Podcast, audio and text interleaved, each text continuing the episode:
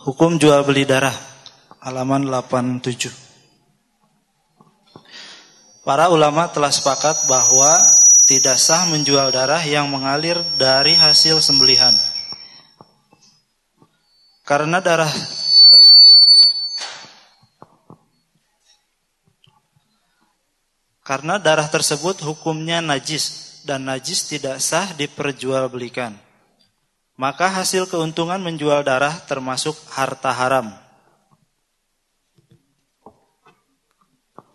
Dalil yang menjelaskan haramnya menjual darah adalah sebagai berikut. Sabda Nabi Shallallahu Alaihi Wasallam Rasulullah Shallallahu Alaihi Wasallam melarang uang imbalan darah. Hadis riwayat Bukhari. Sebagaimana para ahli hadis menafsirkan, maksud hadis di atas adalah uang upah ber, berbekam, akan tetapi makna hadis tersebut umum, yang juga mencakup larangan menjual darah. Iya. Larangan Rasulullah Shallallahu Alaihi Wasallam bahwa inna Rasulullah sallallahu alaihi wasallam naha an thaman dam bahwa Nabi harga darah ya maksud hadis ini dikatakan oleh para ahli hadis adalah larangan dari berbekam karena berbekam adalah mengambil darah larangan dari membayar atau mengambil upah dari bekam si tukang bekamnya yang dilarang oleh Rasulullah SAW mengambil upah bekam. Kalau bekam itu kan jasa. Iya atau tidak? Maka kata para ulama hadis maksud Rasulullah, konteks Rasulullah melarang waktu itu tentang tukang bekam yang mengambil upah. Ya. Tetapi Rasulullah menggunakan dengan lafaz yang umum sama nidam Saman artinya harga, dam artinya darah. Baik harga dari jasa darah atau harga darah itu sendiri dalam teks hadisnya. Maka ini menunjukkan bahwa haram hukumnya menjual belikan darah. Terus. Yang kedua, juga sabda Nabi Shallallahu Alaihi Wasallam, wa inna Allah azza wa wajah wajalla iza harrama ala qaumin akla syai'in harrama samana. Sesungguhnya Allah bila mengharamkan memakan sesuatu berarti Allah mengharamkan juga uang hasil penjualannya. Hadis riwayat Abu Daud, hadis ini disahihkan oleh Al-Albani. Inna Allah idza harrama ala qaumin akla syai'in harrama. Bila Allah mengharamkan memakan sesuatu, maka Allah juga mengharamkan imbalan dari sesuatu yang diharamkan tersebut. Darah kan dijelaskan hurrimat alaikumul maitatu waddam.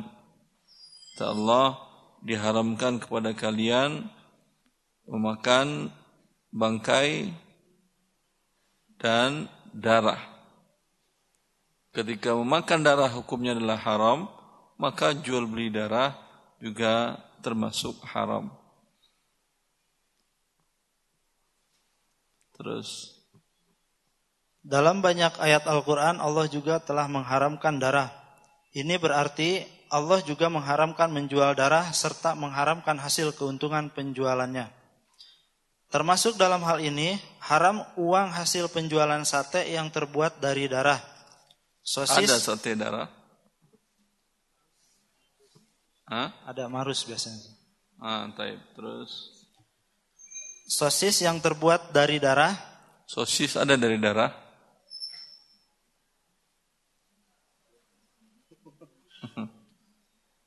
Kalau marus bisa berarti sosis kan bisa. Tinggal dimasukin darah dalam dalam ikatan tersebut dibakar sudah jadi dia sosis. Terus puding hitam yang dicampur darah. Begitu juga haram uang hasil penjualan makanan yang mengandung darah sebagai pewarna seperti hamburger dan beberapa jenis makanan bayi. Hmm. Beberapa jenis makanan bayi ada yang dicampur darah. Uh, ada yang darah digunakan sebagai pewarna ada. Ya, seperti sosis ada memang sosis khusus darah, ada sosis yang biasa. Cuman kalau daging itu di apa namanya? di digiling kalau dibiarkan sebentar di luar warnanya kan tidak merah lagi kan ya Makanya biasanya terkadang dicampur darah sebagai pewarna sehingga warnanya segar. Ya. Nanti akan kita jelaskan ada sebahagian jenis makanan olahan itu yang diambilkan proteinnya dari protein darah. Baik tepung, es krim dan berbagai-bagai jenis makanan olahan. Terus Hukum menjual makanan olahan yang mengandung protein dari plasma darah. Plasma darah adalah komponen darah berbentuk cairan berwarna kuning yang menjadi medium sel-sel darah, di mana sel darah ditutup 55% dari jumlah darah merupakan plasma darah.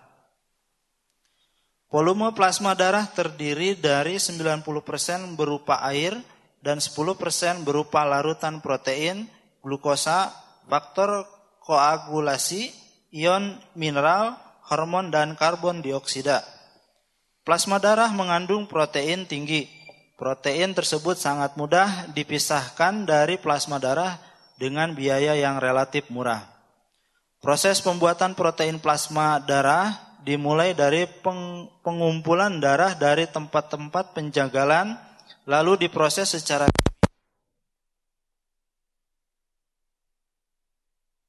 oleh karena harga protein yang berasal dari darah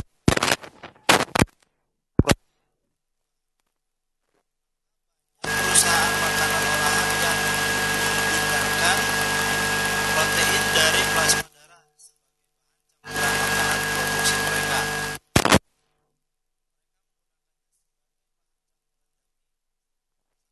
yang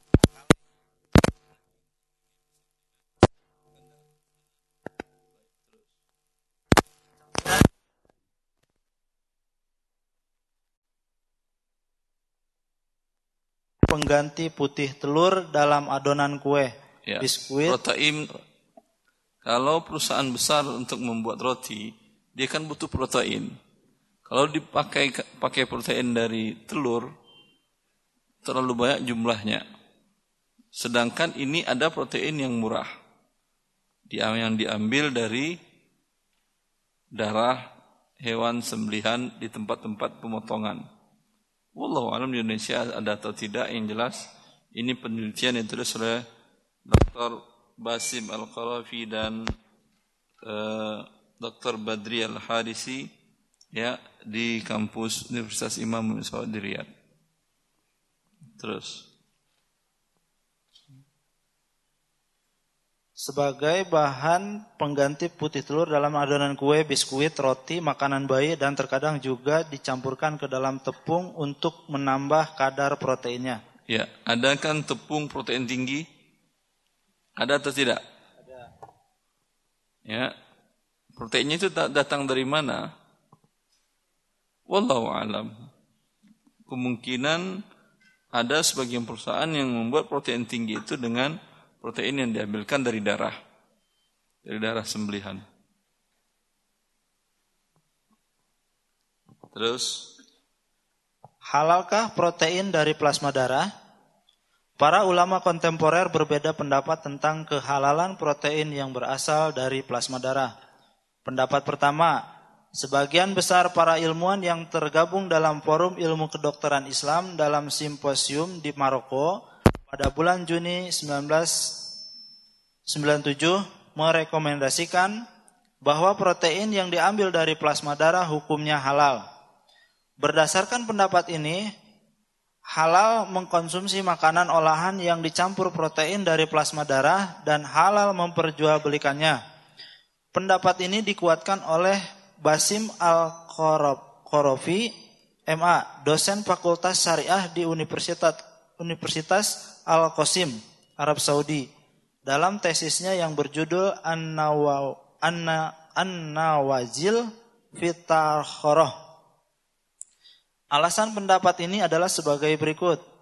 Protein yang diambil dari plasma darah seluruh sifatnya berbeda dengan sifat plasma darah. Ini menunjukkan bahwa protein tersebut merupakan wujud baru yang diubah dari plasma darah. Maka hukum protein yang telah dilepas dari plasma darah tidak lagi terkait dengan hukum darah. Akan tetapi hukumnya merupakan hukum wujud baru yaitu protein. Dan protein hukumnya halal.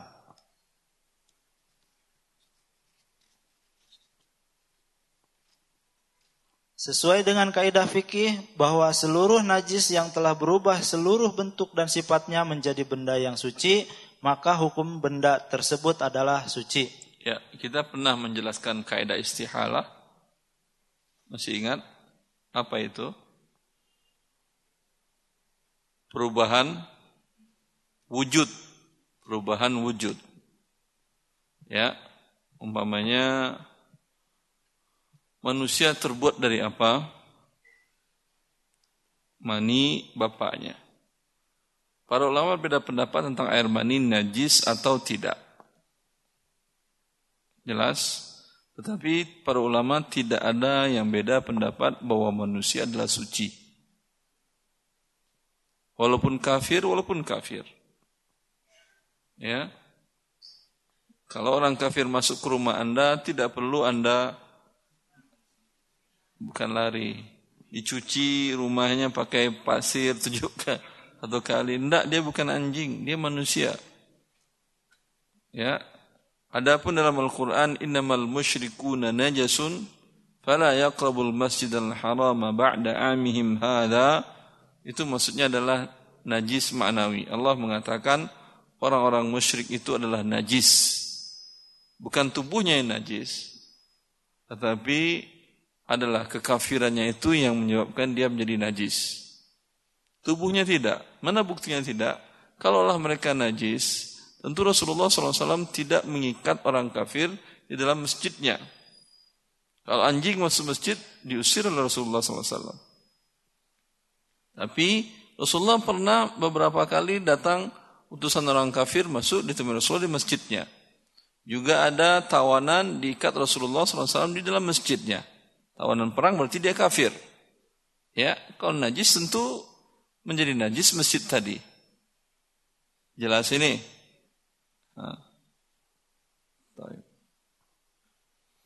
Ketika berubah air mani tadi menjadi manusia, masih najis, masih najis dia, sepakat ulama tidak najis. Jelas? Ha. Nasi najis atau halal? Suci. Suci kan ya? Pepaya najis atau halal? Suci. Suci. Kalau Anda makan, berubah kemudian menjadi BAB, keluar. Suci atau najis dia? Karena sudah berubah wujudnya. Kalau masih ada kelihatan wujudnya,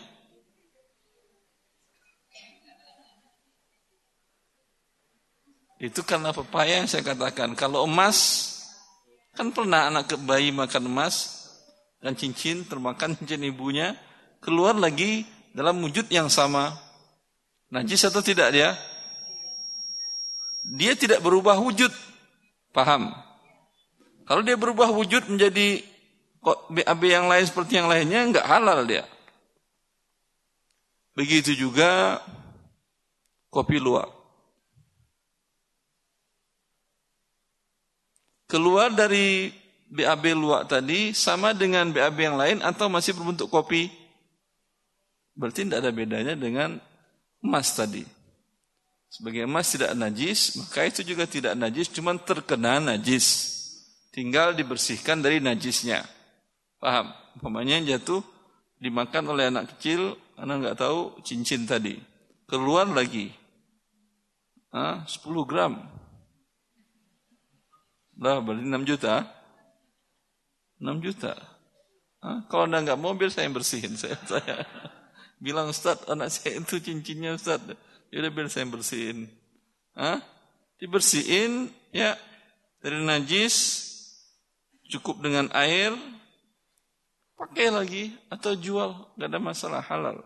Ini emas adalah emas. Jelas begitu juga tadi yang kopi adalah kopi. Allah taala alam. Itu yang perubahan wujud. Bila dia berubah wujudnya, kopi itu jadi dimakan dan luak jadi hancur seperti uh, wujud dari kotoran yang lainnya maka dia tidak makanya dia maka dia tidak suci seperti kotoran yang lain. Bisa difahami ini? Nah, terus. Ini kaidah istihalah ini penting dalam bentuk-bentuk yang sudah dirubah tadi seperti tadi dalam kasus kita bahas, asal mula dari darah adalah najis. Tapi bila seperti yang dikatakan Al-Qarafi tadi, berubah dia menjadi protein, hukum protein adalah halal kata dia. Tapi nanti akan kita lihat. Ya. Pendapat beliau ini tidak terlalu kuat. Terus. Tanggapan. Alasan pendapat ini tidak kuat karena perubahan wujud yang terjadi tidaklah sempurna. Hal ini bisa dibuktikan dengan mudah pada makanan olahan yang dicampur protein yang berasal dari plasma darah. Dapat dilihat dari warna, rasa, dan nilai gizi pun masih menyerupai darah. Dan darah hukumnya adalah haram. Juga mereka beralasan bahwa protein tersebut andaikan masih mirip darah, akan tetapi kadarnya dalam makanan olahan sangat sedikit sekali. Dan dalam dan darah dalam jumlah yang sedikit hukumnya halal, sebagaimana halalnya darah yang tersisa dalam daging dan urat hewan yang telah disembelih, di mana kadarnya sedikit sekali. Ya, bersama mereka mengatakan ini sudah berubah wujud. Betul sudah berubah wujud? Tidak. Sama seperti tadi. Cincin emas dimakan oleh bayi. Keluar lagi cincin atau berubah wujud dia? Cincin emas. Emas najis atau bukan? Bukan. Makanya dia tidak najis. Sekarang sebaliknya. Protein diambil dari plasma darah. Ya.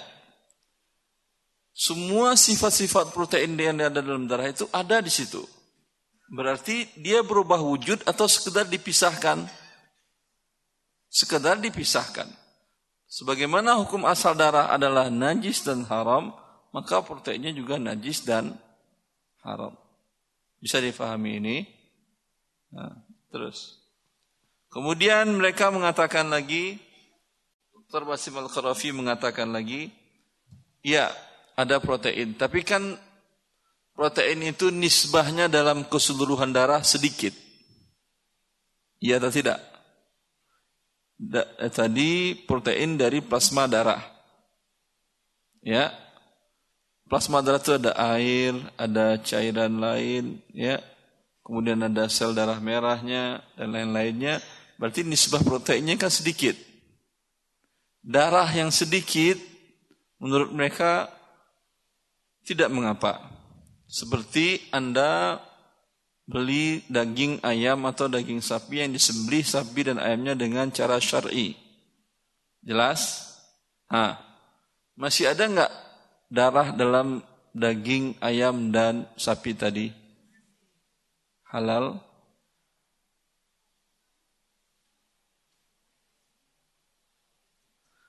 Anda cuci bisa? Tidak bisa lah. Bisa. Tetap masih ada. Buktinya Anda Anda cuci lama begitu terus kemudian Anda keringkan. Air keringnya itu darah atau tidak? Ya. Tapi itu dibolehkan atau dalam syariat? Boleh. Karena yang diharamkan itu adalah bukan darah keseluruhan. Au damam masfuha atau darah yang mengalir. Hewan ketika bukan ini hewan, ini hewan.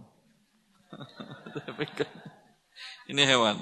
Ketika disembelih leher hewan, itu darahnya mengalir muncrat kan ya? Itu yang haram. Adapun darah yang tinggal dalam daging itu boleh. Ijma para ulama boleh. Kenapa? Karena tidak mungkin dipisahkan dari daging. Kalau mutlak umpamanya darah haram mutlak, tidak boleh orang makan daging lagi sudah. Padahal Rasulullah SAW makan daging. Jelas? Mereka berdalih seperti itu. Kan darah dalam daging itu dibolehkan karena sedikit. Yang tadi banyak. Kita katakan, mereka mengambil protein darah tadi dari mana? Dari darah yang sedikit itu atau dari darah yang mancur yang dikumpulkan. Dari darah yang mancur dalam masuhan tadi mereka kumpulkan, mereka pisahkan proteinnya dari dengan proses kimia.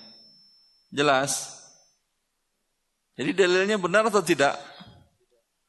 Hah? Da dalilnya lain, kemudian madrulnya lain. Dalilnya kata dia darah yang sedikit dalam daging boleh, itu iya boleh.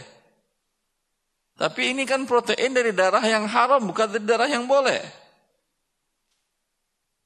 Jelas. Allah Terus. Tanggapan. Alasan ini juga tidak kuat karena darah yang tersisa dalam daging dan urat hewan yang telah disembelih bukanlah darah yang mengalir dan tidak mungkin dipisahkan dari daging yang hukumnya halal. Berbeda dengan darah dalam makanan olahan karena darah yang mengalir yang hukumnya najis sengaja diambil, kemudian sengaja dicampurkan ke dalam makanan. Paham ini? Nah, terus. Pendapat kedua, para ulama yang tergabung dalam forum ulama fikih dan ahli medis mengharamkan protein yang berasal dari plasma darah. Pendapat ini didukung oleh Dr. Said Salman, eh, Said Salam dan dikuatkan oleh Badriah Al-Haritsi MA dalam tesisnya An-Nawazil fil At-Imah. Ya, kalau Basim Al-Qarafi tadi An-Nawazil fit Taharah. Ada di di Google Anda kalau Anda cari permasalahan kontemporer dalam bersuci, mulai dari masalah air, ya, masalah mandi, tayamum, ya, najis. Dia membahasnya tadi dalam rangka membahas najis. Kemudian satu lagi tesis juga di kampus yang sama tempat saya dulu kuliah S2 S3 dari seorang mahasiswi bernama Badriyah Al-Harithi. Judulnya An-Nawazil fi Al-At'imah. Permasalahan kontemporer dalam makanan. Ya, Kesimpulannya berbeda. Kalau yang pertama tadi boleh, kalau yang kedua hukumnya haram. Yang belakangan yang terakhir, yaitu yang perempuan. Yang badriyah itu lebih terakhir. Ya, tesisnya lebih belakangan. Terus. Alasan pendapat ini bahwa hukum darah yang mengalir adalah haram dan protein plasma darah itu diambil dari darah sembelihan hewan di tempat penjagalan yang sudah pasti hukumnya haram. Adapun proses pengambilan protein tersebut secara kimia tidak menyebabkan munculnya zat baru yang berbeda dari plasma darah. Proses yang terjadi tidak lebih sekedar pemisahan protein dari plasma darah. Dengan demikian hukumnya adalah haram.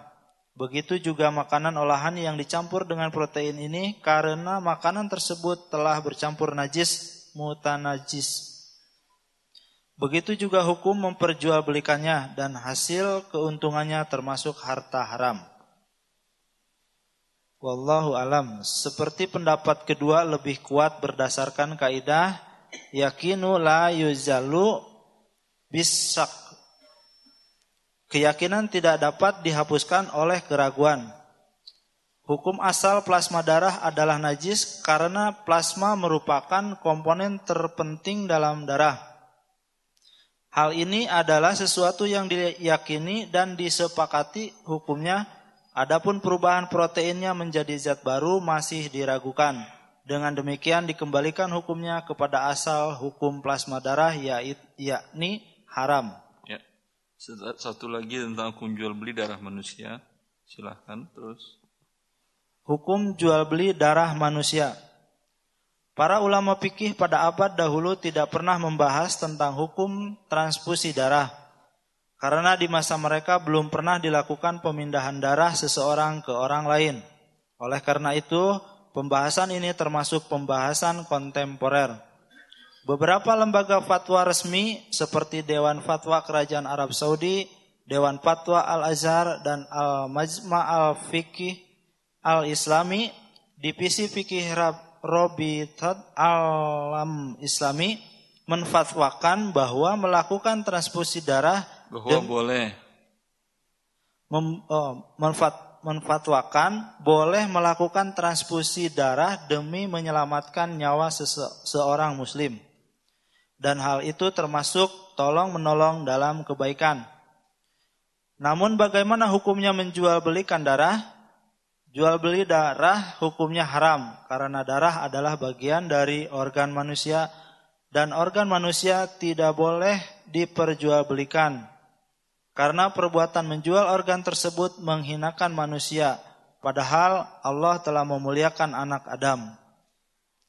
Berikut ini fatwa ahli, ahli fikih yang tergabung dalam Al-Majma' Al-Fikih Al-Islami Divisi Fikih Robitah Alam Islami yang bersidang di Makkah pada tahun 1989 hukum mengambil imbalan dari penjualan darah tidak boleh karena darah termasuk benda yang haram untuk diperjualbelikan berdasarkan teks Al-Qur'an yang menyebutkan bahwa darah, bangkai dan babi tidak boleh dijual.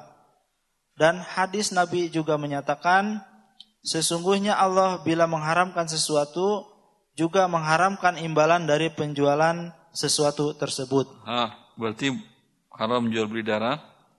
Iya haram. Terus. Juga diriwayatkan dari Nabi dalam hadis yang sahih bahwa beliau melarang menjual belikan darah terkecuali pada saat darurat untuk tujuan medis jika tidak didapatkan orang yang mau mendonorkan darahnya kecuali dengan imbalan, maka dalam keadaan darurat, hal yang haram boleh dilakukan. Dengan demikian, pembeli boleh memberikan bayaran harga darah dan dosanya ditanggung oleh penjual. Namun tidak mengapa memberikan uang penghargaan dalam bentuk hibah atau hadiah sebagai pendorong orang-orang untuk giat melakukan donor darah demi kemanusiaan. Hal ini dibolehkan karena termasuk dalam akad hibah dan bukan jual beli.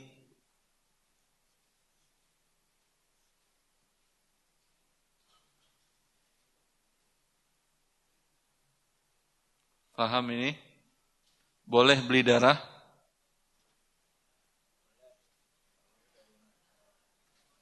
Tidak boleh. Hah? Lalu transaksi yang terjadi di rumah sakit ketika suatu keluarga butuh donor darah untuk pasien dari keluarganya yang sakit, dia beli darah ke PMI. Boleh ini? Ini boleh karena dia bukan jual beli darah. PMI jual darah. Dia tidak menjual darah. Dia hanya mengambil dari masyarakat umum dalam bentuk donor. Donor itu artinya jual beli atau sedekah atau sumbangan. Sumbangan. Berarti orang yang para donorernya itu orang-orangnya adalah menyumbang, bukan menjual. Tapi kan ada imbalan. Imbalannya nggak seimbang. Masa darah satu kantung dua 200 cc cuma dapat indomie sama susu. Murah banget harga darah Anda. Ya, itu bukan imbalan, itu hanya sekedar untuk penyegarkan kembali untuk sementara waktu. Kalau imbalnya pasti mahal. Ya. Dalam kasus tertentu lalu kenapa ada bayaran tadi? Bayaran tadi adalah biaya dari pihak PMI tadi mulai dari mengambil kan pakai biaya, mengambil kemudian menyimpan sampai ditransfusikan kepada orang yang membutuhkan. Itu butuh biaya semua atau tidak? Butuh biaya. dalam hal ini PMI mengambil keuntungan atau tidak? Setahu saya tidak boleh mengambil keuntungan. Kalau betul dia mengambil keuntungan, menjual dia namanya. Tapi setahu saya tidak mungkin dia mengambil keuntungan. Ya. Karena itu dibiayai oleh negara semuanya. Wallahu alam. Yang bisa masuk dalam kasus jual beli darah mungkin kasusnya seperti ini. Ketika dia butuh untuk operasi atau ada keluarganya yang butuh transfusi darah. Dia cari ke PMI darah tersebut yang dibutuhkan sedang kosong. Maka PMI mengatakan atau rumah sakit mengatakan kau carilah orang yang mau donor. Dia umumkan di grup-grup ya tidak ada yang donor. Akhirnya dia katakan per liter 5 juta. Per liter 5 juta. Mati darah orang biasa, biasa diambil berapa? CC paling banyak berapa bisa diambil? Donor darah paling banyak bisa berapa? Paling banyak diambil darah bisa berapa? Dalam keadaan sehat? 200 cc seper 5 liter berarti ya seper 5 liter ya udah seper 5 liter 5 juta Hah? karena dia sudah cari nggak ada yang mau gratis, berbayar akhirnya. Ya. Dalam kondisi darurat, boleh nggak ini dia lakukan? Boleh. Kan darurat. Tetapi yang nerima uang 5 jutanya dia berdosa. Tidak halal dia nerima uang tadi. Sama juga seperti yang dikatakan oleh para ulama, tadi kan Rasulullah melarang ah, mengambil upah dari berbekam. Tapi dilewatkan perbuatan beliau bahwa beliau pernah berbekam dan bayar upahnya. Sebagian ulama mengatakan itu karena tidak ada tukang bekam yang gratis. Ya, maka dosanya bagi si tukang bekamnya. Bagi orang ini kan berobat, kondisinya kan butuh. Ya, bagi dia tidak halal. Bagi dia halal, tapi bagi yang nerima uangnya tidak halal. Itu juga dalam kasus uh, jual beli darah yang dibutuhkan dalam uh, transfusi darah tadi. Jelas? Cukup. Cukup kita kira um, dari buku. Silahkan yang mau bertanya jawab atau berdiskusi. Assalamualaikum warahmatullahi wabarakatuh Ustaz. Assalamualaikum warahmatullahi wabarakatuh. Uh, duluan masuk uh, yang di kertas dulu Ustaz. Yang di kertas dulu. Ya. Assalamualaikum Ustaz. Ustaz, ada uang yang diinvestasikan jika dihitung nisab dan haulnya sudah masuk yang harus dikeluarkan zakat. Namun investasi ini masih di luar dan belum ada di tangan kami. Apakah ini sudah wajib bayar zakat mal? Sebentar. Investasi ini maksudnya apa? Yang bertanya ada orangnya. Uh, investasi berupa tanah. Anda beli tanah. Iya. Tanah ini mau dijual atau mau ditempatin atau mau diapain? Mau dijual. Jual beli tanah properti berarti? Enggak, hanya beli aja terus niat mau dijual aja. Sudah diiklankan dijual? Uh, sudah, tapi belum belum laku. Tanah itu tidak ada zakatnya kecuali kalau dia dijadikan sebagai barang dagangan. Apa yang dimaksud dengan barang dagangan? Barang dagangan adalah sesuatu yang ketika Anda miliki, Anda niatkan untuk dijual kembali ketika harganya menguntungkan. Iya atau tidak? Ada nggak pedagang yang dia jual ketika harga turun? Itu bukan pedagang namanya, orang soleh baik hati. Tapi bisnis bangkrut terus tuh kalau seperti itu. Ya. Bukan karena butuh uang. Kalau dia jual karena butuh uang, ya, walaupun tanahnya tadi belum menguntungkan, dalam hitungan dagang nggak bakal dijual kan? Tapi karena dia sedang butuh uang, ya, dia usahakan juga untuk dijual dia, walaupun harganya di bawah ternyata di bawah yang seharusnya diinginkan tapi masih di atas dari eh, modal yang dia dapatkan. Maka ini bukan barang dagangan. Jelas? Paham Ibu? Maka kembali kepada tanah tadi ya. Anda jual tujuannya ingin mendapat pertambahan uang atau karena butuh uang? Ingin pertambahan. Ya. Tapi belum laku. Tetap dizakatkan setiap tahunnya. Semenjak diiklankan. Ini sudah berapa lama Anda miliki? Dengar dulu, dengar dulu. Sudah berapa lama Anda miliki? Dua tahun. Semenjak dari awal dua tahun tadi, Anda iklankan terus untuk dijual, berarti sudah harus dua kali zakatnya. Tidak ada uang, nanti ketika laku zakatkan dua kali. Dinilai pada tahun pertama ya berapa harga tersebut tanah tersebut kali dua setengah persen. Kemudian di tahun kedua kan sudah terjual kalau kalau terjual berarti sudah uang maka dikeluarkan. Jelas?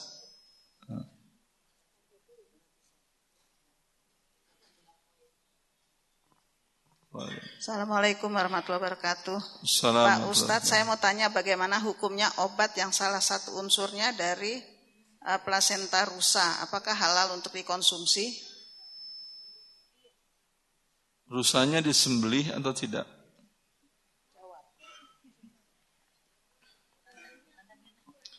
Rusa kalau disembelih dengan penyembelihan yang syar'i, baca bismillah anda potong dua uratnya makanan dan nafasnya dan darah. Ya, mati dia. Itu semua tubuhnya yang bisa dimakan halal. Mau jantungnya, mau plasentanya, mau apanya lagi dagingnya, kulitnya pun bisa bikin kerupuk kulit. Bisa? Bisa bikin kerupuk kulit rusak.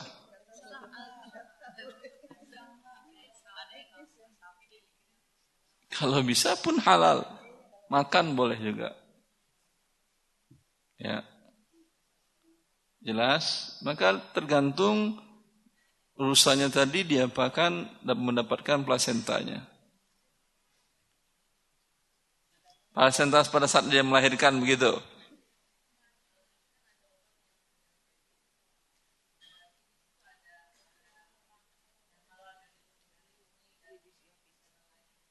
sudah halal. Ya udah nggak ada masalah. Semoga Allah barik. Assalamualaikum Ustadz. Assalamualaikum uh, Apakah rumah atau mobil yang sudah diniatkan untuk dijual dan belum laku-laku sampai jatuh haul dan nisabnya terkena zakat mal? Kalau iya, nilai yang dipakai bagaimana menentukannya? Sama seperti tadi. Anda sebagai pedagang mobil dan rumah atau jual karena kebutuhan ingin pindah atau ingin tukar. Itu beda. Kalau ingin tukar ganti rumah dengan ganti mobil, asal jangan ganti istri jantung ya. Hah? Nanti minta zakatnya lagi udah diganti. Ya. Itu tidak ada zakatnya. Kecuali dia setelah menjadi uang. Karena dia bukan dagang dia berarti, karena dia kebutuhan. Kalau dagang itu, Anda lihat sebagian mobil, sebagian rumah, walaupun ditempati dia, dia tulis juga dijual. Ini berarti memang dagang dia. Mobilnya gonta ganti, hari ini mobilnya A, B, besok C, dan tertulis di belakang mobilnya dijual hubungi nomor sekian. Walaupun dia dipakai, statusnya adalah barang dagangan. Dia pakai hanya ya sampai laku aja daripada ah, bagian dari maintenance, dari perawatan. Maka tergantung dari yang bertanya tadi. Yang bertanya siapa? Yang bertanya mobil dan rumah dijual tadi? Tidak ada? Ya kalau tidak ada jawabannya seperti tadi aja. Tergantung apakah profesinya adalah jual beli mobil bekas, jual beli rumah, atau sekedar seperti tadi ingin ganti rumah, atau karena pindah ke tempat yang lain, atau jual rumah karena butuh uang. Itu tidak ada zakatnya kecuali setelah menjadi uang dia. Setelah menjadi uang, baru terkena zakatnya bila telah berlalu satu tahun. Dan masih ada di atas nisab. Tapi kalau dapat baru tiga bulan dapat jual tanah dan rumah dan mobil tadi dapat dua miliar. Tapi ternyata buat biaya berobat adik atau kakaknya atau ibunya atau dirinya atau anaknya dan habis tidak ada zakat sama sekali. Assalamualaikum Ustadz. Assalamualaikum. Uh, semoga Ustadz selalu dalam lindungan Allah. Allahumma. Bismillah menjelang libur sekolah, di sekolah anak, ibu-ibu wali murid sibuk uh, mengkoordinir untuk mengumpulkan uang THR untuk para guru. Apakah ini boleh Ustadz? Apakah sama dengan memberi hadiah saat kenaikan kelas? Jazakumullah khairan Ustadz. Assalamualaikum warahmatullahi wabarakatuh. Sekolahnya swasta atau negeri? Atau saja umum saja? Hah. Kalau sekolah negeri, setahu saya aturan negara tidak membolehkan. Iya atau tidak? Kalau lebih dari 500 ribu diterima oleh guru tadi, ya nota buktinya tadi tinggal anda kasih KPK besok semua guru sekolah itu dibawa ke penjara oleh KPK. Iya atau tidak? Ya. Tapi kalau guru swasta masih ada celah. Kalau guru swasta tergantung dari pihak uh, yayasannya. Maka dalam kondisi dengan demikian, kalau orang tua murid mengumpulkan, jangan langsung berikan kepada para gurunya. Berikan ke pihak yayasan, kemudian yayasan yang memberikannya kepada para guru tadi. Karena guru-guru ini sudah digaji oleh yayasan tadi. Assalamualaikum Ustadz. Saya bekerja di klinik bekam. Berarti us, uh, upah yang saya terima selama ini bagaimana ya Ustadz? Dan bagaimana kalau uh, masih tadi yang ada dua nih Ustadz pertanyaan tentang bekam. Mana sih saya?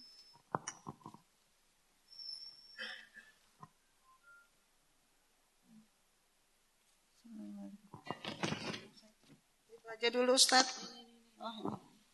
Bagaimana sebaiknya agar uang dari hasil jasa membekam tidak haram? Karena untuk berbekam, alat-alat misalnya eh, kasa steril, tisu dan lain-lain disterilisasi akan memerlukan biaya. Ya, wallahu alam itu yang saya pahami tentang profesi bekam tadi. Bahwasanya pada dasarnya tadi dilarang Rasulullah SAW, tapi Rasulullah pernah melakukannya Sebagian para ulama menggabungkan antara perbuatan dengan ucapan tadi, ya perbuatan itu karena ada maksud lain, yaitu dalam rangka berobat. Dan beliau tidak mendapatkan yang gratis, sehingga bisa dikatakan darurat. Dan bagi beliau halal. Ya, kalau umpamanya tadi adalah imbalan dari jual beli peralatan dan upahnya adalah gratis, hukum asalnya tidak ada masalah.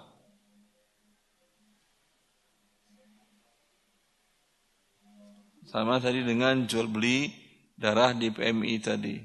Dan imbalan dari jasa uh, pemeliharaannya.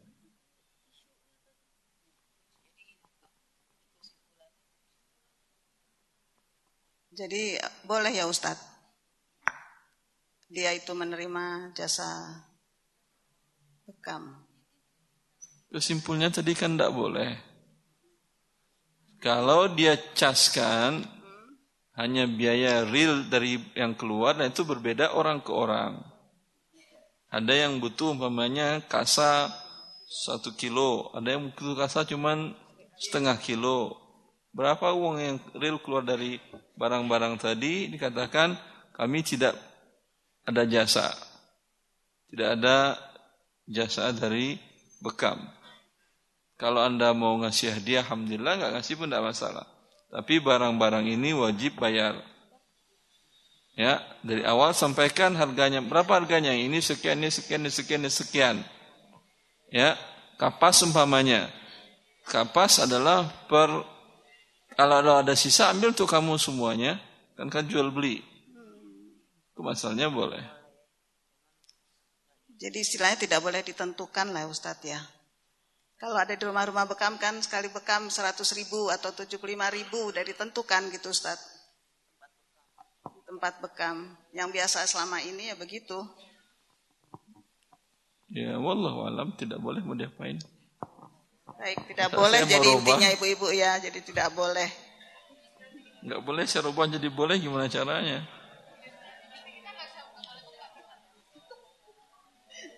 Heboh jadinya nih ibu-ibu Ustadz. Jadi nggak bisa bekam dong katanya ibu-ibu nih Ustadz pertanyaannya banyak. Kalau ditentukan begitu Ustadz sudah di rumah bekam situ. Jadi bukan hanya untuk tisu atau untuk kasa steril.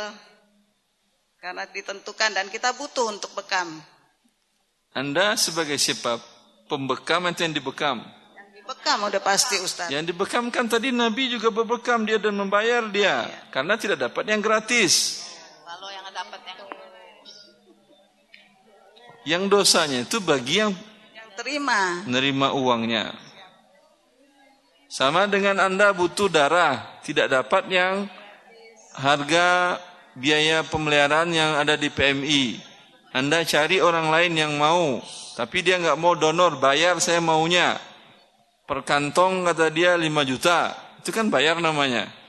Orang per kantong cuma dua, duain bungkus Indomie dia 5 juta. Ini berarti bayar jual beli darah namanya. Ini haram.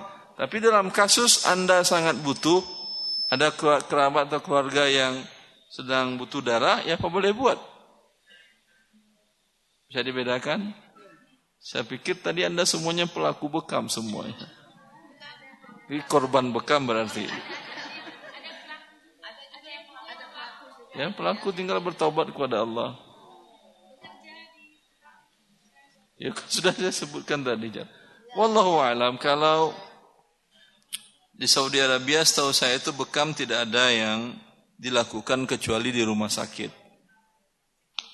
Karena itu masuk bagian apa namanya bedah tapi bedah kecil. Melukai orang kan? Ya. Biasanya tes tensi darah dulu dan segala macam ya SOP standar dari sebuah tindakan apa namanya bedah walaupun bedah kecil.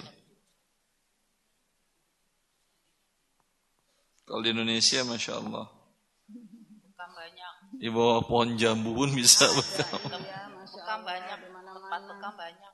Iya, alhamdulillah. Lanjut Ustaz. Silahkan. Adakah zakat dari uang piutang kita Ustaz? Anda meminjamkan uang kepada orang gitu? Atau menjual barang dan dia belum bayar. Maka dilihat si yang berhutang tadi. Apakah orangnya tipenya lancar membayar dan mampu dan tidak menunda-nunda atau sebaliknya dulu waktu dia membeli ke Anda dia dalam keadaan mampu tapi qadar Allah kemudian dia di PHK sekarang nunggak angsuran beli barangnya atau hutangnya kepada Anda. Maka dalam kondisi demikian tidak ada zakat sampai Anda terima uangnya. Sama juga dengan uang pensiunan. Uang pensiun itu kan milik Anda. Tapi bisa diambil? Tidak. Bisa diambil setelah Anda pensiun. Ya, Padahal dia sudah sampai nisab mungkin lima tahun dari Anda bekerja sudah sampai dia nisab. Anda bekerja 20 tahun umpamanya. Selama 15 tahun itu berarti kan Anda nggak bayar zakat. Ya. Kapan dikeluarkan zakatnya? Ketika terima dana pensiunan tadi. Terima dia langsung keluarkan dua setengah persen. Karena ini sudah berlalu. Cukup sekali saja. Bukan 15 kali. 15 kali nanti Anda jadi ngutang jadi ya. Bukan habis ngutang. Cukup sekali saja. Kalau piutang tadi berada di tangan orang yang tidak mampu atau di tangan orang yang mampu tapi dia menunda pembayaran. Ya, itu seperti tadi. Ketika diterima dikeluarkan sekali saja. Tapi kalau dia di tangan orang yang mampu dan tidak menunda pembayaran, kapan Anda minta dikasih dia? Ya. Ini tetap Anda keluarkan zakatnya. Paham? Walaupun masih di tangan orang itu. Pamannya Anda jual rumah atau jual kendaraan kepada teman atau kerabat seharga umpamanya mobil 100 juta rupiah. Dia angsur. 100 juta rupiah berarti hak Anda uang 100 juta rupiah kan ya? Maka setelah berlalu satu tahun atau bila Anda punya haul yang tertentu sampai haul tadi Anda hitung uang yang ada di tangan dia tadi. Yang anda, sudah Anda terima baru 10 juta angsurannya, sisa 90. Yang 90 ini tetap Anda keluarkan zakatnya kali 2,5 persen. Karena ini uang Anda. Jelas ini? ya giliran Ikhwan sekarang. Ada pertanyaan? Ya. Assalamualaikum Ustaz. Assalamualaikum Semoga Ustaz selalu dalam lindungan Allah Subhanahu wa taala. Allahumma bagaimana dengan rest, uh, pertemuan sebelumnya dibahas tentang dibolehkannya makanan dag, makan daging di negara ahli kitab. Bagaimana dengan restoran koser atau makanan halal versi Yahudi? Apakah halal? Yang kedua, bagaimana bila menemukan restoran koser di negara Eropa bukan negara ahli kitab? Apakah halal? Yang ketiga, darah beli di PMI bagaimana hukumnya? Dalam PMI jadi sudah kita jelaskan kan ya. Nah, mungkin dia nulis pertanyaan sebelum kita bahas tadi mengenai makanan Yahudi ya. Kalau Anda di negara muslim ngapain makan makanan Yahudi? Ya atau tidak? Anda di Indonesia umpamanya banyak warung Padang yang insya Allah halal. Warteg yang insya Allah halal. Hah? Gado-gado juga enak daripada Anda makanan Yahudi tadi. Tapi kalau Anda di negara kafir, namanya di Tiongkok, dia bukan ahli kitab. Wallahu alam, informasi yang saya dapatkan dari teman-teman di Eropa dan di Amerika, Yahudi dalam makanan itu mereka penyembelihannya betul-betul disembelih. Dan kaum muslimin di Eropa itu dan di Amerika biasanya mereka kalau tidak belanja ke tempat uh, yang muslim kalau nggak ada di kotanya mereka beli dari Yahudi. Sebagian negara Eropa kan melarang apa uh, organisasi pencinta hewan itu, huh? mereka kan nggak dianggapnya menyembelih menyembelih menyembelih.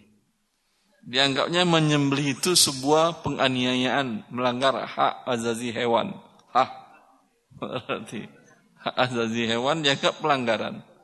Dia nggak tahu bahwa Allah menciptakan hewan ini memang untuk itu. Hewan yang mati begitu saja yang tidak disembelih untuk sesuai dengan syarat Allah berarti dia tidak sampai kepada tujuannya. Ya.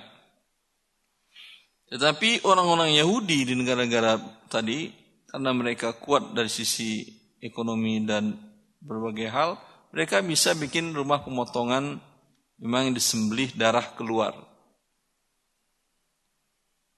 Jelas? Wallah ta'ala Pertanyaan selanjutnya. Kecuali kalau Anda tahu bahwa Yahudi itu menyembelihnya tidak dengan menyebut nama Allah. Kalau dia menyebut nama Uzair umpamanya, ya, maka juga tidak boleh. Tapi yang menyembelih mereka memang menyembelih darah. Darah netes. Bukan dikeplak kepalanya atau dimasukkan ke dalam ruangan yang karbon dioksidanya tinggi sehingga mati lemas, enggak. Yahudi enggak, enggak seperti itu. Baik. Assalamualaikum Ustaz. Bolehkah kita keluarkan zakat sebagian di tempat kita mukim dan sebagian kita salurkan ke daerah? Wallahu alam. Kalau di daerah itu adalah kerabat Anda, umpamanya adik, paman, bibi, pokoknya ada hubungan nasab dan di sana orang berzakat jarang. Karena mungkin susahnya ekonomi satu, kedua mungkin karena apa? kesadaran Islamnya juga masih kurang, ya. Ini sebaiknya Anda bantulah kerabat Anda tadi dengan zakat Anda. Anda mau membantu dengan harta yang lain, Anda juga pas-pasan hidupnya. Dan ada kewajiban zakat, baik bantu dengan zakat. Jelas ini. Kalau kerabat saudara Anda tadi berada di daerah yang kaum musliminnya kesadaran zakatnya tinggi dan pun kemampuan mereka di atas rata-rata sehingga kerabat Anda tadi juga dapat zakat dari mereka dan cukup untuk biaya hidup mereka maka dalam dua dalam kondisi ini tidak baik dia kirim zakat ke luar dari tempat dia tinggal.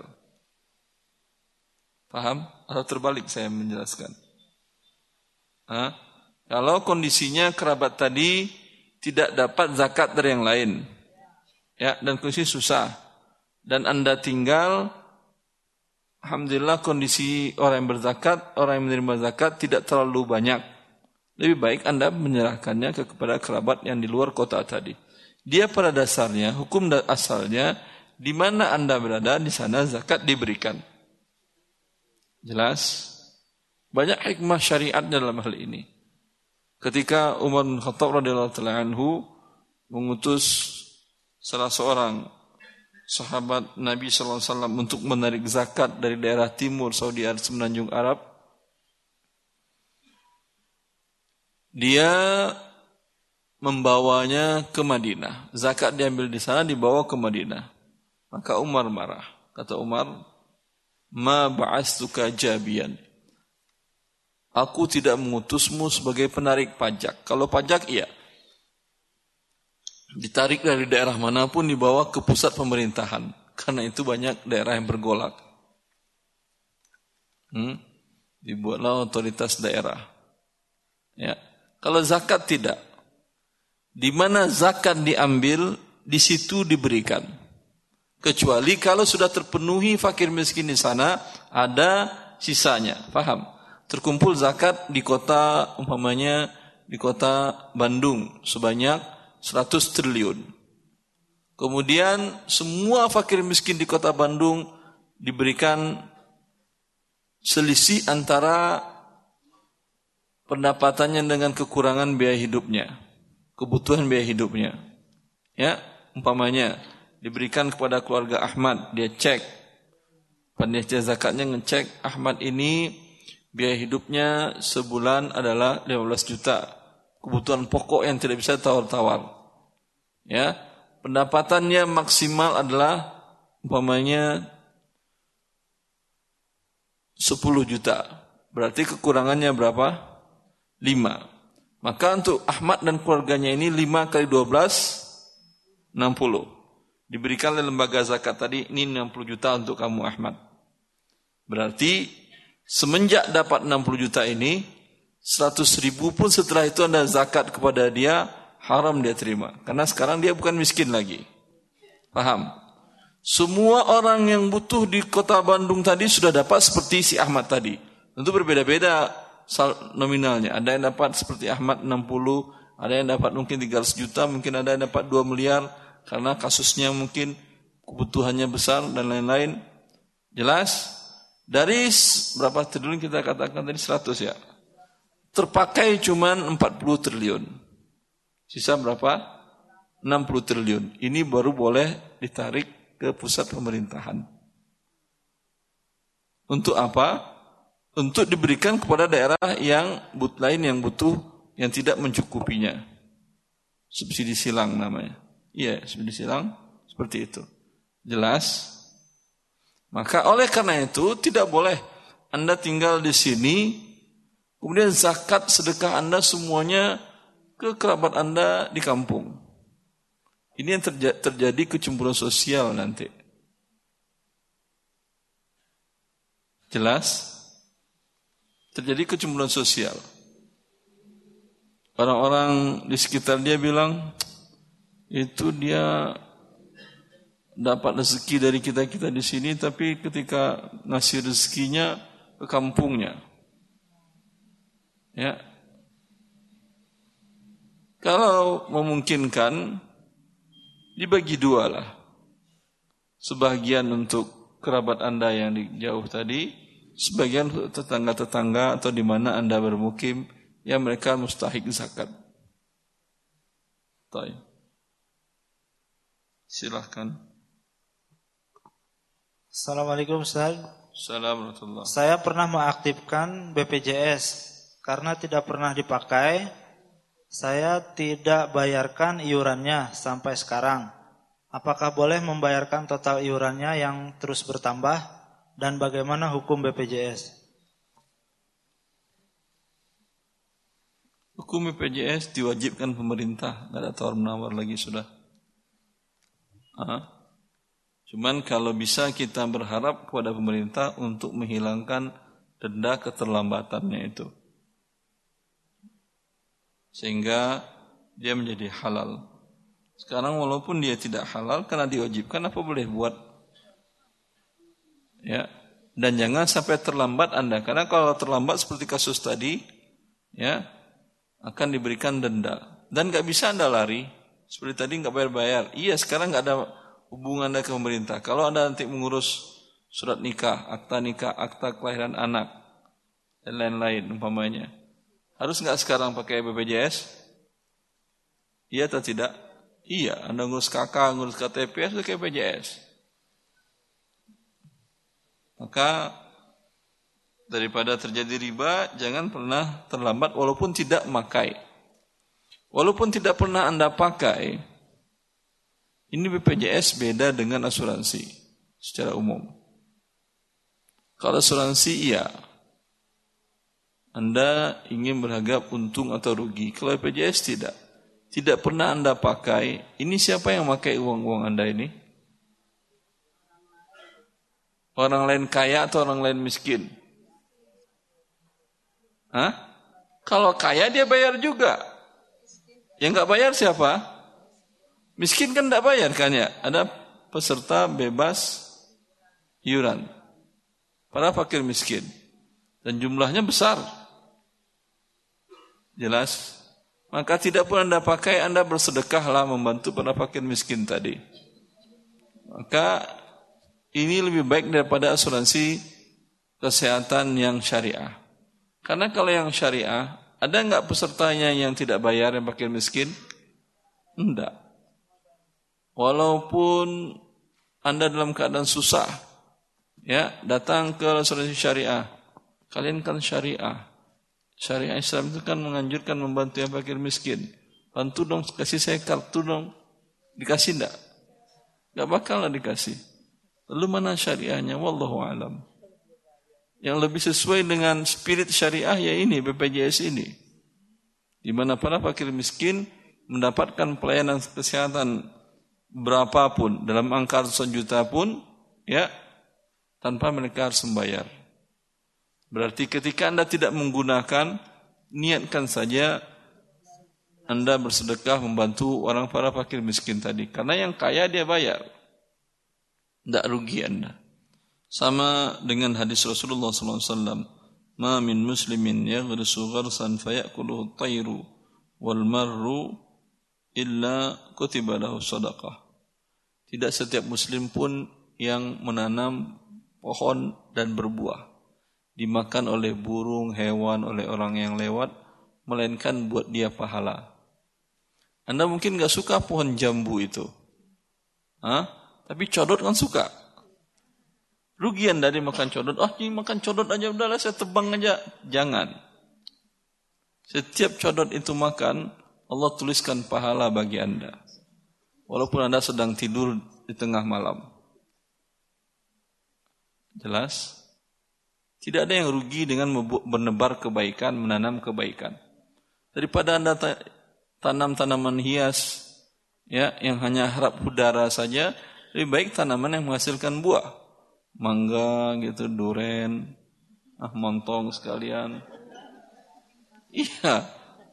Siapa tahu ada orang yang mau maling, Anda katakan udah ambil aja, ambil aja, nggak jadi dia maling.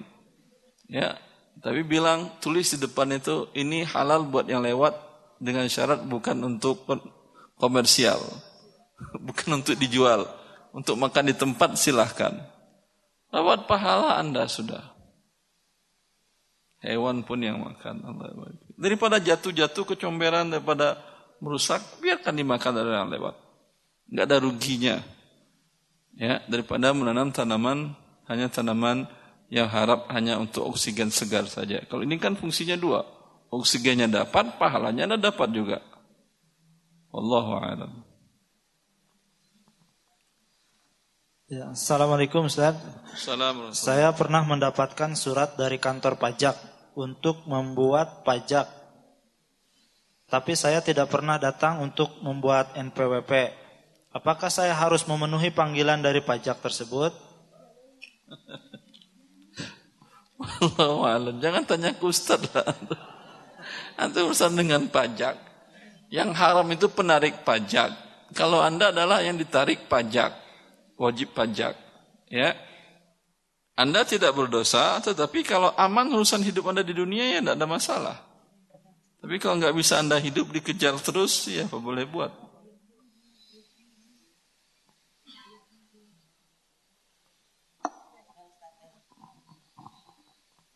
Selanjutnya. Ya. Assalamualaikum Ustaz. Assalamualaikum. Bismillah. uh, Ustaz, Ana ingin bertanya, calon suami Ana bekerja di kantor pelayanan pajak, namun bagian di kantor pelayanan pajak IT. Apakah uang gajinya halal dan apakah kerjanya tidak termasuk subhat? Kalau menurut saya ini bukan subhat, memang tidak halal. Kalau syubhat itu remah-remah antara halal dan tidak. Kalau ini memang tidak halal karena kalau tanpa dia sistem IT-nya nggak berjalan. Berbeda dengan konsultan pajak yang dia itu berusaha meminimalkan kewajiban yang, yang harus dibayar si wajib pajak. Ini berarti dia berpihak kepada orang yang dizolimi bukan yang menzolimi. Atau kalau ada yang bekerja di kantor pajak dan tujuannya kecuali dia bikin IT tadi bagaimana IT tadi bisa mengurangi kewajiban pajak. Itu boleh. Hah? Dia ditangkap dia. Ah, ya udah jangan kerja di situ kalau ditangkap dia.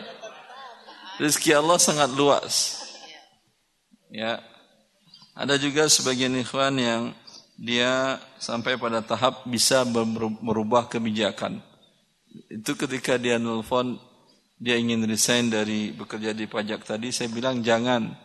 Karena kalau Anda resign, nanti kewajiban pajak bagi bagi manusia bagi kaum muslimin makin tinggi dan makin menggila.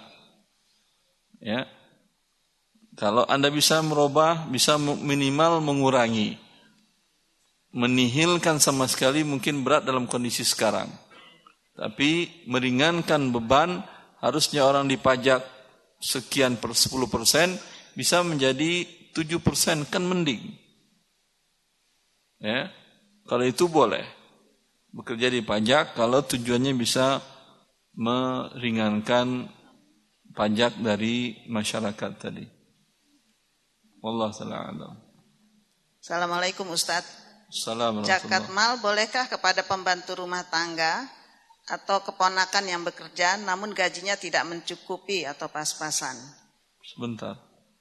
Pembantu rumah tangga gajinya Anda kurangi Anda tambah dengan zakat begitu atau apa maksudnya? Atau karena kebutuhannya tinggi? Gajinya standar tapi kebutuhannya tinggi. Kurang berarti gajinya boleh Anda kasih zakat. Tapi tapi THR-nya juga Anda kasih.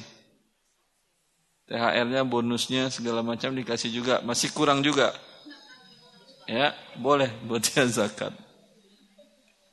Ya bagus. Bagi anda yang punya karyawan, punya perusahaan, punya karyawan, ini orang-orang ini penting anda perhatikan kehidupannya.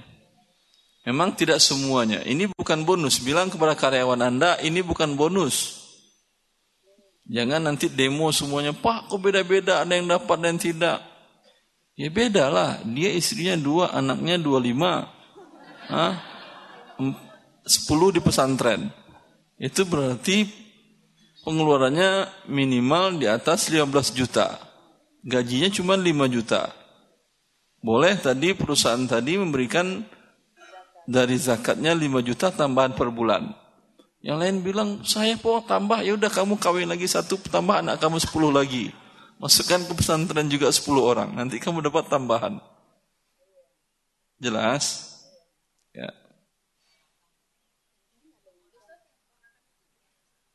Sama, boleh. Asal tidak pembantu, dia kan karyawan Anda. Bukan nafkahnya Anda tanggung. Ponakan ditanggung nafkahnya atau tidak boleh? Boleh. Yang tidak boleh itu ke atas ke bawah. Ke atas itu bapak, kakek, kakek-kakek, nenek, ibu, nenek, semuanya itu wajib Anda nafkahi sama seperti diri sendiri. Hah? Bayar zakat ke diri sendiri boleh atau tidak? Ya tidak boleh lah. Ke istri boleh atau tidak? Tidak karena nafkahnya Anda yang menanggung. Tapi istri berzakat ke suami boleh karena nafkah suami tidak ditanggung oleh istri. Anak nafkahnya ditanggung oleh bapak, maka tidak boleh anak ke bawah cucu mendapat zakat Anda. Ponakan kalau dia tidak tinggal di rumah Anda, kalau dia tinggal di rumah Anda tapi dia juga makannya di luar, ya hanya numpang istirahat tidur aja atau bila ada makanan di rumah dia ikut makan tapi bukan menjadi tanggungan Anda, boleh juga. Tapi kalau kebutuhannya semuanya Anda yang menanggung sekolahnya Anda yang membayarin, kemudian biayanya semua anda nanggung, tidak boleh dia terima zakat.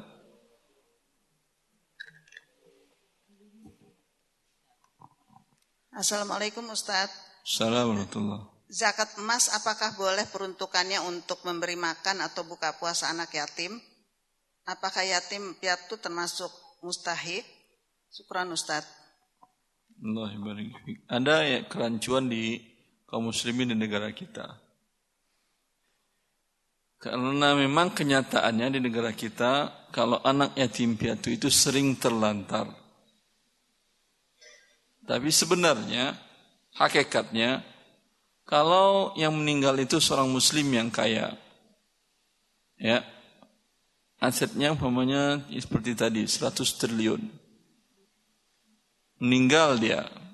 Dia punya anak yang belum balik ada tiga orang laki-laki itu dia mengambil sisa dari semua warisan.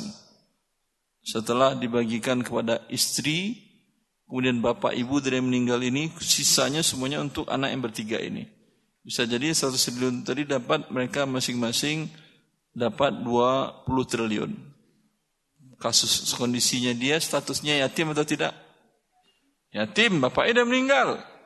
Tapi dia punya aset, punya uang 20 triliun.